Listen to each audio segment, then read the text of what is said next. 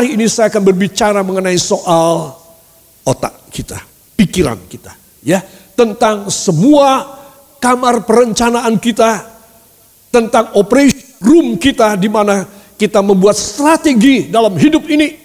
Ya, Saudara, ini otak manusia inilah obsrumnya. Ini di mana ya strategi-strategi digodok pada angkatan bersenjata, baik darat, kepolisian, laut, udara, saudara itu selalu punya obsrum di mana para petingginya, para panglimanya dan dan komandan-komandan legion atau detasemennya mengadakan satu rapat strategi. Ini otak saya, otak saudara. Tolong dipegang kepalanya. Ya. Punya kepala kan? Nah tolong dipegang. Ya, ya. Ini katakan ini pusat pikiran saya. Harus saya taklukkan kepada Kristus. Begini ya, harus saya taklukkan kepada Kristus. Amin. Mau demikian?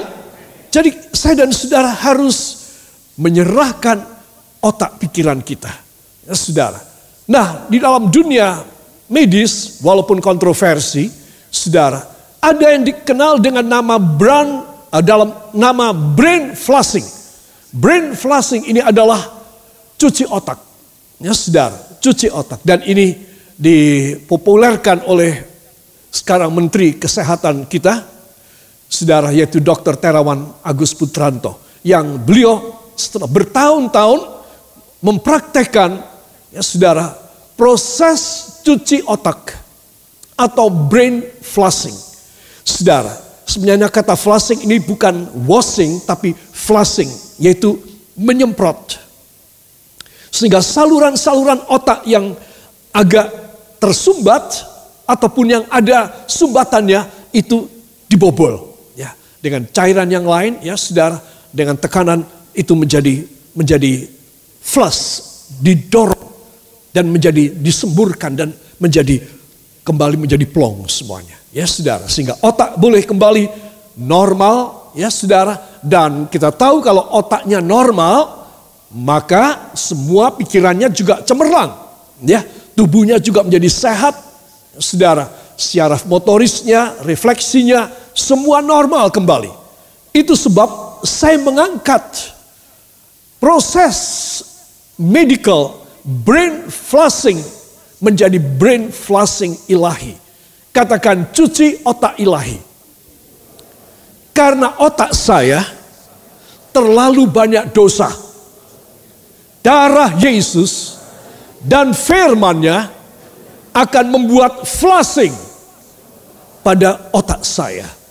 Ya, itu sebab saya ingin mengajak semua saudara memperhatikan. Saudara yang kekasih, mengapa? Ya tadi saya sudah singgung sedikit agar sumbatan dan penghambat visi ilahi. Karena ini ada kata ilahinya ya. Jadi brain flushing ilahi. Ya, all godly flush brain flushing jadi brain flushing yang ilahi, ya, yang dari Tuhan. Ini karena kita terhambat gak bisa melihat. Seperti orang-orang yang bersaksi memberikan testimoninya selesai selesai di brain flushing di rumah sakit tersebut di Jakarta. Maka mereka menjadi matanya menjadi terang katanya ya. Gak pernah pusing lagi. Ya, pikirannya menjadi jernih, menjadi mudah dan cerdas. Saudara, jantung, organ tubuh semuanya kembali normal. Hebat sekali.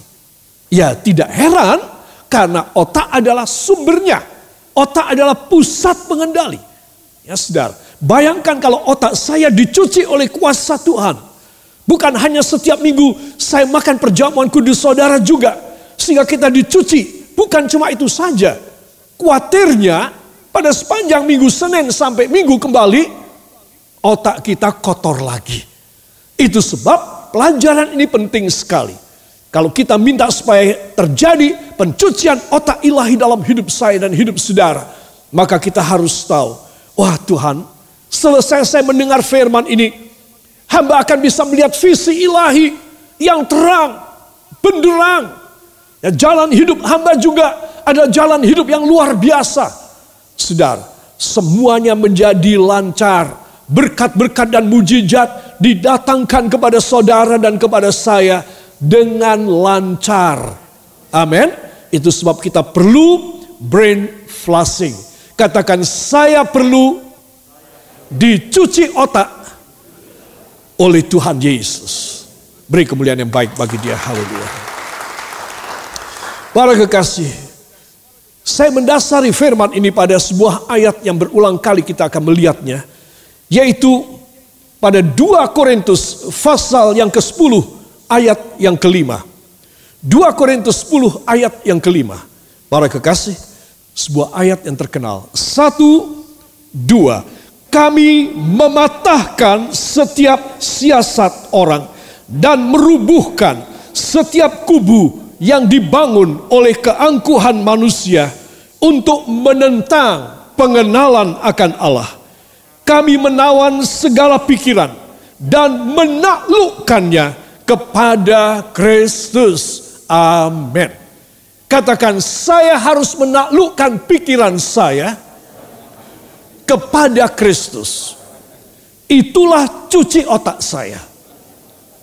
Jadi saudara yang kekasih, Tuhan ingin supaya kehidupan kita, ya saya harus menjelaskan bahwa saya dan Anda hidup, ya kemungkinan kita tidak tahu persisnya, tetapi kemungkinan kita tidak lama hidup. Itu sebab saudara dan saya mumpung waktunya masih ada, semua katakan mumpung masih ada waktu, maka saya harus dicuci otak supaya sisa umur saya wow banget. Ayo kurang bersemangat saudara. Sisa umur hidup saya sejak malam ini wow banget. Amin. Harus. Jadi saudara dan saya membutuhkan satu brain flushing Supaya apa? Pikiran ini ditaklukkan kepada Kristus. Ada unsur-unsur yang jahat pada pikiran saya, pada pikiran Anda. Ya kita selalu mengatakan ah, anak saya pikirannya kotor, anak saya pikirannya mencuri saja, anak saya ini bodoh sekali. Saudara, kita mudah menduding orang lain, menduduh orang lain. Ya, karena kebetulan dia anak kita, atau dia orang dekat kita, atau dia musuh kita barangkali. Para kekasih Tuhan ingin supaya pikiran kita ditaklukkan kepada Kristus. Itu maksudnya apa? Supaya dia mencuci pikiran kita. Sehingga kita sesuai, match dengan rencananya dia. Katakan supaya saya sesuai dengan rencana Allah Bapa yang luar biasa. Jadi pikiran saya kehidupan saya harus bersih. Amin. Di situlah. Jadi kalau saudara melihat saya menuliskan 2 Korintus 10 ayat yang kelima. Pas di otak pria ini, saudara, maka saudara mesti tahu inilah yang harus dicuci. Ini yang harus dibersihin. Supaya apa? Supaya kita bisa memandang kemuliaan Allah. Ya saudara, kalau Tuhan itu memberkati seseorang anaknya dan anaknya ini mata rohaninya terbuka, dia akan penuh ucapan syukur kepada Tuhan. Ya apa tidak? Tapi coba kalau mata saya ini burang, buram, mata saya ini star, ya saudara, ada penghambatnya, saudara. Bisa saya menghargai pemberian-pemberian Tuhan? Mungkin saya cuma bilang, wah aku lagi hoki ini. Ya bintangku lagi terang ini. Aku lagi mujur ini. Kemarin aku malang, ya pantas aku hari ini mujur. Saya tidak bisa menghargai. Karena saya tidak bisa menghargai pemberian Tuhan, Tuhan stop. Tidak ngasih lagi sama saya. Nah, rugi kan? Itu sebab di sini kita melihat betapa pentingnya anak Tuhan, dia punya pikiran ditaklukkan kepada Kristus supaya dicuci, supaya mata rohaninya terang, Katakan supaya mata rohani saya tercelik. Memandang visi ilahi. Sehingga apa yang saya terima menjadi luar biasa. Terus menerus seumur hidup saya. Gara-gara mata rohani saya, visi ilahi terang. Amin. Saudara harus memilikinya. Itu sebab Anda dan saya harus minta kepada Tuhan. Tuhan sekarang hamba sadar. Kenapa mujizat dan berkat itu sulit masuk dalam hidup hamba. Walau hamba menangis sekalipun dalam doa. Berjam-jam berdoa di ujung kakimu. Ditambahi puasa dan lain sebagainya. Namun tetap hamba tidak bisa terima. Anakku, banyak sumbatan dalam hidup. Banyak sumbatan dalam hidup. Saudara, itu sebab Anda dan saya harus minta kepadanya. Supaya segala macam sumbatan dalam hidup kita. Istimewa pada otak kita. Di mana kita bisa bersekutu dengan Kristus. Itu harus bersih dan berkenan. Katakan harus bersih dan berkenan. Sehingga saya bisa masuk era baru. Era baru dalam sejarah hidup saya. Dalam nama Yesus. Amin. Para kekasih, inilah yang saya inginkan, saudara inginkan satu era yang baru, ya. Saudara yang kekasih, yakinkan diri saudara. Saya memberikan tiga rangkaian kata dengan background yang berbeda dengan warna ungu, siasat. Ya, katakan siasat. Katakan keangkuhan. Katakan segala pikiran. Ini tiga pokok akan kita pelajari. Saudara, kami mematahkan setiap siasat orang. Saudara, berarti ini dari pihak luar yang menuju kepada kita orang untuk menggoda, untuk menjebak, ya segala gerak-gerik orang yang tricky ataupun segala gerak-gerik orang yang yang pengecut kepada kita. Itu banyak siasat orang. Ya saudara. Dan merubuhkan setiap kubu yang dibangun oleh keangkuhan manusia. Katakan keangkuhan manusia. Ya saudara. Untuk apa sih manusia itu angkuh? Kalau ada orang selalu uh, apa itu namanya selalu menyebutkan dia punya harta benda, dia punya kesuksesan, dia punya jumlah harta, dia tunjukkan apa yang dia pakai, apa yang dia kenakan pada sekujur tubuhnya, apa yang ada di dalam rumahnya, apa perusahaan-perusahaannya, berapa banyak uangnya. Menurut saudara itu orang rendah hati atau angkuh? Angkuh. Dan saya kasih tahu orang angkuh, keangkuhan manusia ini menentang Allah. Hebat kan? Dosanya besar. Jadi kalau saudara mempunyai idola orang-orang yang berhasil, yang kaya, yang sukses, yang selalu mulutnya besar, engkau dilarang mengikutinya. Karena engkau akan ketularan. Jadi Anda dan saya harus tahu segala keangkuhan manusia akan dirubuhkan oleh Allah. Semua katakan, saya memiliki hak saya, potensi dari Tuhan untuk berhasil dan tidak angkuh. Amin. Jadi saudara mesti tahu, semua keangkuhan itu harus dirobohkan. Karena mereka itu menentang kepada Allah. Orang yang terlalu boasting, beberapa puluh kali Alkitab menuliskan kisahnya. Dimulai dari menara Babel, kitab kejadian. Saudara, yang memboasting dan dan membanggakan kemajuannya, kesuksesannya, kehebatannya. Apa yang terjadi? Tuhan memukul, apa yang dipukul oleh Tuhan? Lidah. Sehingga satu sama lain tidak mengerti bahasa. Masing-masing dulu satu bangsa, satu bahasa, saudara, satu wilayah hidup. Tapi ketika mereka mulai membangun menara Babel dan itu mulai menyundul langit begitu tinggi, saudara, Tuhan mengatakan ini angkuh sekali. Itu sebab aku akan memukul mereka. Sehingga mereka akan bercerai-berai ke seluruh dunia. Karena satu sama lain tidak kenal bahasanya Dulu saudara, adik dan kakak kandung, suami dan istri, saudara sekarang tidak saling mengerti bahasanya. Dirubah semua bahasanya oleh Allah. Dirobohkan. Itu sebab Anda dan saya harus tahu rahasia orang dijaga kejayaan kesuksesannya dijaga berkatnya yang mengalir terus-menerus oleh Allah adalah tidak boleh apa? angkuh dan tidak boleh kena siasat orang. Ya, itu dua hal. Kami menawan segala pikiran. Sebab apa Rasul Paulus mengatakan kami menawan segala pikiran? Kalau kami tidak menawan segala pikiran kami, kami mempunyai potensi untuk kami memakai siasat orang luar.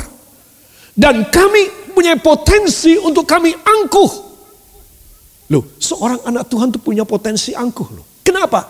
Karena mujizat sering terjadi kepada dia, ya apa tidak? Jadi saudara mesti tahu bahwa karena mujizat, saya dan Anda ini mengalami banyak hal yang bagus, yang indah, yang keberkatan, kesembuhan, pembukaan jalan, anak keturunan kita diberkati, hari tua kita mulia. Loh, itu mujizat. Itu sebab anak Tuhan mempunyai potensi yang kuat untuk angkuh. Dan dirobohkan. Itu lebih cilaka lagi. Itu sebab Anda dan saya men, harus menawan apa? segala menawan apa? Segala pikiran. Bukan cuma pikiran tok, segala pikiran.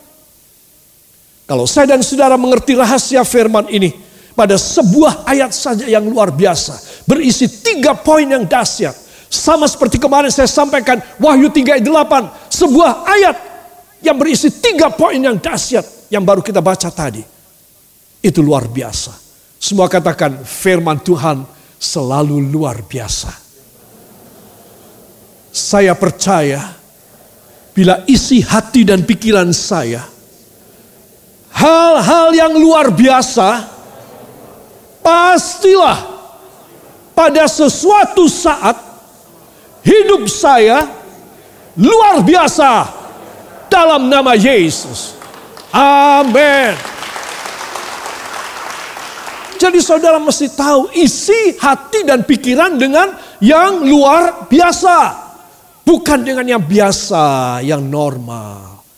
Saya sudah bilang tadi, orang sukses itu ada orang lebih sukses dari dia. Orang kaya itu ada orang lebih kaya dari dia. Ya apa tidak? Orang berhasil, orang pintar ada orang lebih kaya dari dia. Jadi jangan engkau meniru ataupun engkau kepengen dengan hal-hal yang tidak pasti. Tetapi apa yang Tuhan inginkan memberi kepada Anda dan kepada saya. Perjanjian Allah yang pasti adanya. Yang saudara demi saudara masing-masing engkau mendapat sesuatu yang ajaib masing-masing. Kemuliaan masing-masing. Kemuliaan matahari, kemuliaan bulan, kemuliaan bintang yang satu dengan bintang yang lain. Berbeda kemuliaan. Semua katakan, tetapi semua anak Tuhan berpotensi dimuliakan. Amin. Saya tuliskan bikin karam cita-cita. Jadi kalau pikiran kita ini tidak dicuci, pikiran kita tidak ditaklukkan kepada Kristus, maka ini akan membuat karam tenggelam. Ya saudara lihat orang ini tenggelam ya saudara. Tinggal tangan aja dan sedikit kepalanya dia tenggelam. Bikin karam cita-cita, kesuksesan dan impian yang indah dan membahagiakan. Semua yang hebat yang setiap orang bisa berangan-angan karam tenggelam. Saudara. Nah, kalau saudara melihat gambar ini dan tulisan saya ini, maka kita harus yakin aku harus waspada. Kalau begitu aku harus hati-hati. Jangan sampai aku pada mendekati kematianku, aku tenggelam. Saudara, banyak orang Kristen yang tidak bijak. Dan karena ketidakbijakannya, maka mereka itu sudah tenggelam sebelum waktunya dan tidak muncul lagi. Nah, itu yang penting untuk saya dan saudara tahu. Semua katakan itu suatu hukuman dari Allah. Iya, kalau saya dan saudara sampai mengalami tertenggelaman, ketertenggelaman semacam ini, hanya karena saya dan saudara tidak disucikan dari siasat orang, tidak dibasmi daripada semua keangkuhan manusia yang menentang Allah, maka kita pasti tenggelam. Itu sebab poin yang ketiga yaitu kita harus menaklukkan pikiran kita kepada Kristus. Semua katakan supaya hidup saya tidak dibayang-bayangi hukuman Allah. Tetapi supaya hidup saya ada dalam rencana ilahi yang sukses dan jaya luar biasa dalam nama Yesus. Amin. Jadi saudara, ini kita sudah tahu ya. Untuk apa ayat ini kita baca kita sudah tahu. Yang pertama, hidup bersiasat. Yang kedua, keangkuhan manusiawi. Dan yang ketiga, menentang Allah. Saudara, siapakah orang? Jadi kalau saya mengoreksi diri saya sendiri, saya ngerumang sani, saya uh, introspeksi dalam diri saya, Oh, aku hidupnya penuh siasat enggak ya? Eh, aku angkuh enggak ya? Aku menentang Allah enggak? Ini adalah tiga tolok ukur. Katakan tiga tolok ukur. Untuk menilai siapa saya, supaya saya selamat. Ya, jadi ini penting sekali supaya kita tidak kena hukuman dari Allah. Itu sebab kita harus mengetahui hidup yang bersiasat itu seperti apa. Angkuh kita sudah tahu. Menentang Allah kita sudah tahu. Ya saudara, kalau saya dan saudara memberikan dalam diri kita ini pendidikan firman Tuhan, maka niscaya, katakan niscaya, hidup saya lepas dari hukuman Allah dalam nama Yesus. Amin. Haleluya. Saudara yang kekasih itu sebab sebuah ayat yang sangat mudah, sangat simple, yaitu Matius 11, 28. Saya akan membeberkan sedikit tentang teologis dan filosofi dari satu ayat yang istimewa ini. Mari kita akan baca. Satu, dua. Marilah kepadaku semua yang letih lesu dan berbeban berat Aku akan memberi kelegaan kepadamu. Amin. Saudara yang kekasih, marilah kepadaku. Tidak dibutuhkan seorang pengkhotbah untuk bisa meyakinkan orang lain untuk datang kepada Yesus. Ayat ini sudah berbicara apa adanya. Yesus mengundang semua orang. Kalau saya merasa otak saya tidak beres, Saudara merasa pikiran saudara kurang beres. Kita merasa bahwa hidup kita ini ada dalam siasat duniawi. Keangkuhan manusiawi. Ayo datang kepada Tuhan. Siapa tahu kita membutuhkan dia yang akan mengubah seluruh sejarah hidup kita. Karena dia berkata aku akan memberi titik-titik kepadamu. Kelegaan. Saya yakinkan saudara di masa COVID-19 ini, siapa yang bisa merasa lega? Tidak. Dengan menerima sedikit bantuan dari pemerintah atau dari familinya, sudah cukup lega. Tetapi sebenarnya kita menutupi satu kekurangan yang jauh lebih besar sebenarnya di balik punggung kita. Saudara, kita harus tahu Tuhan mengundang kita untuk menjadikan kita lega. Itu berarti saya dan saudara serahkan pikiranmu kepada Kristus. Mau demikian?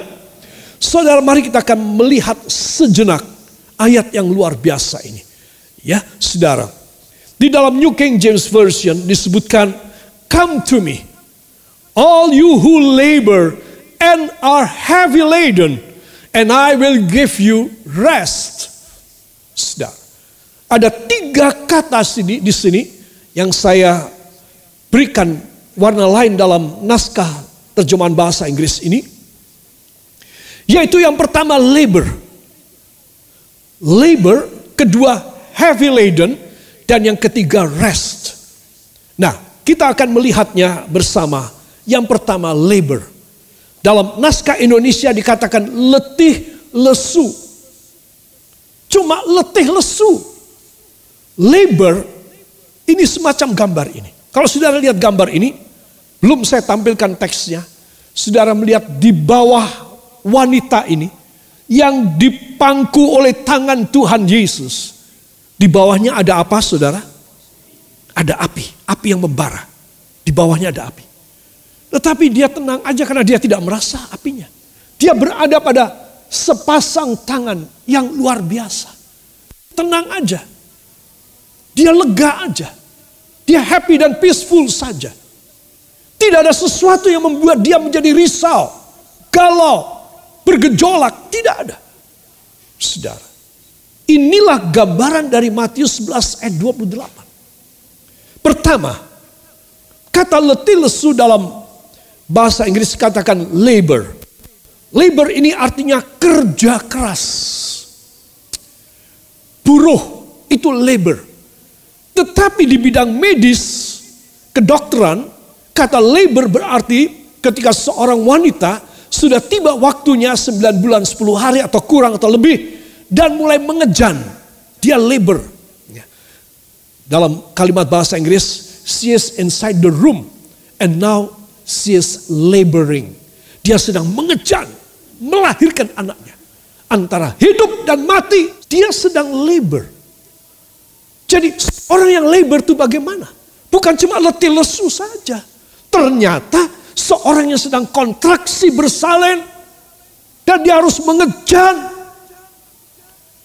Saudara yang kekasih, dia menyabung nyawanya. Please come to me. All you are labor.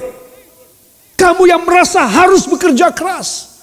Now is the time for you to hear my voice and my invitation to come to me. Please do not linger. Jangan menunda. Please do not postpone. Jangan ditunda. Now is your right time to hear my invitation to you. Just come to me. I will take your labor I will give you rest and peace. Itu sebab Anda dan saya harus tahu. Kata labor ini kita cuma pikir letih lesu. Ah, semua juga orang letih lesu. Ya, tidak ada apa-apanya ini, tidak ada istimewanya firman Tuhan. Semua orang letih lesu. Tidak. Dia mencari orang yang sedang kontraksi. Orang yang sedang mengejar. Orang yang sedang kerja keras. Di dalam bahasa Greka perjanjian baru disebutkan kopiau. Ya, Kopiau, katakan kopiau. Bukan kopi O ya. Nah, kopiau. Kopiau ini artinya lelah terombang ambing. Kisahnya pada orang-orang Israel, orang-orang Yahudi, itu mereka itu dari perjanjian lama itu memiliki 614 undang-undang dan hukum Taurat. Bukan cuma 10 loh saudara itu dijabarkan, dipredili lagi, dijabarkan, didetailkan, ditulis dalam Talmud 614 hukum bisa bergerak enggak? Wah saya mikir susah kita bergerak. Nanti ini gini nginjek apa salah nanti. Ke sana mikir apa salah nanti. 614 peraturan. Kamu datang sama aku kata Tuhan. Kamu yang berbeban berat, kamu yang sedang laboring right now, and you don't know where's the solution or resolution. Which is the answer of my problem? You just don't know. But you just come to me. Engkau datang, aku angkat kamu, aku gendong kamu, aku terima kamu, dan kamu aku beri kelepasan.